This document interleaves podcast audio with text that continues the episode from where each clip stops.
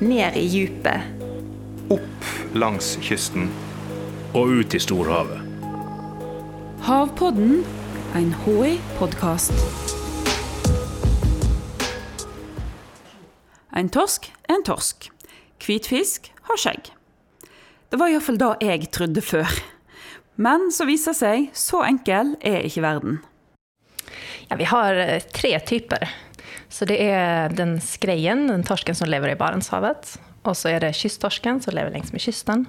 Og så er det også torsk i Nordsjøen og Skagerrak som, som kommer inn i norske farvann. Der forteller HI-forsker Johanna Fall. Skreien er da den legendariske torsken vi alle har hørt om. Han som lever i Barentshavet, men hvert år kommer i hopetall til Lofoten og Vesterålen for å gyte og bli fiska. Men hvem, eller kanskje hva, er da en kysttorsk? Ja, altså Kysttorsken den, den er tilpasset et liv langs kysten. Så den lever i fjordene, den lever også en liten bit ut eh, i ytre kyststrøk. Da. Eh, mens den barentshavstorsken, skreien, den er tilpasset et liv i store Barentshavet. Og den migrerer eller simmer lange avstand for å, for å gyte og for å spise. Mens kysttorsken lever litt mer eh, fast i sin fjord eller i sitt litt mindre kystområde. Så den reiser ikke så langt for å, for å lage barn, eller? Nei, det stemmer. Den, en del kan reise kanskje til nabofjorden eller litt ut fra kysten, men, eh, men ikke så langt som skreien. Skreien og kysttorsken lever altså helt ulike liv. Men de er jo innimellom på samme plass til samme tid, f.eks. i Lofoten. Kan en fisker da se hva type torsk han har fått i fangsten? Ja, er det mulig å se forskjell? Ja, det kan være vanskelig. Altså, ibland så har kysttorsken litt annen farge, eh, som er litt mer sånn tilpasset den miljøen den lever i. Men eh, en torsk ser oftest ut som en torsk. Så det er litt av en utfordring når vi skal forvalte de her bestandene.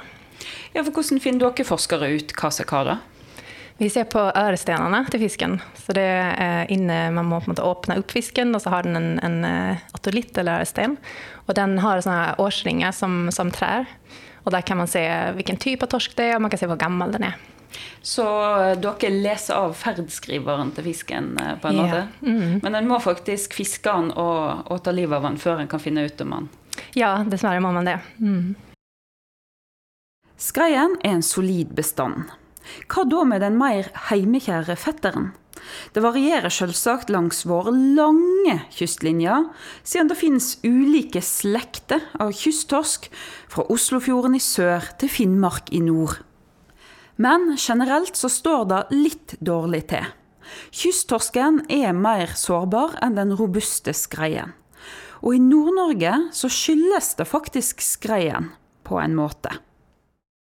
Altså det er ganske høyt fiskepress på den. Eh, for det, det, man fisker mye skrei, og det er sånn at man ofte fisker kysttorsk samtidig som skreien.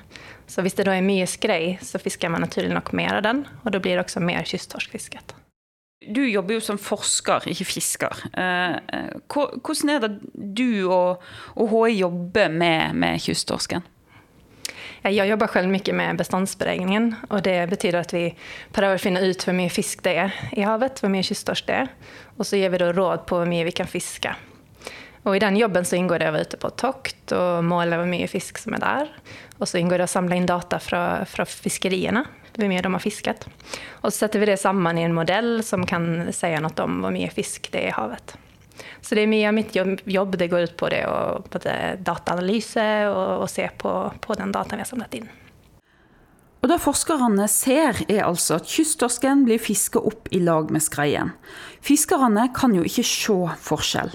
Men den gode nyheten er at det kan komme til å endre seg. Eh, men en ting som vi ser litt på, det er genetikk. Altså det å kunne ta prøver av fisken som kan si om den er en kysttorsk eller skrei. Og ikke bare ørestenene, men faktisk eh, genetikk. Og det kan man eh, gjøre litt sånn i realtid mens fisket foregår.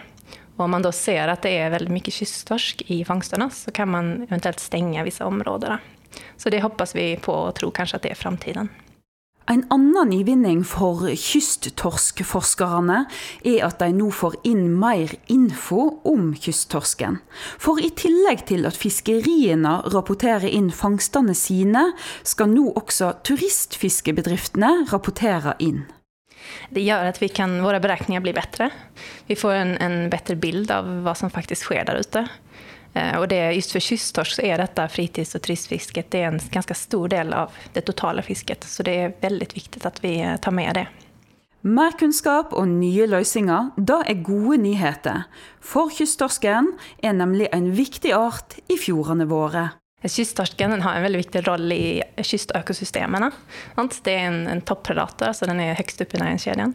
Så om den, eh, er, eh, om, om den fjernes, eller om den ikke finnes lenger, så kan hele økosystemet endres. Og det vil vi helst ikke.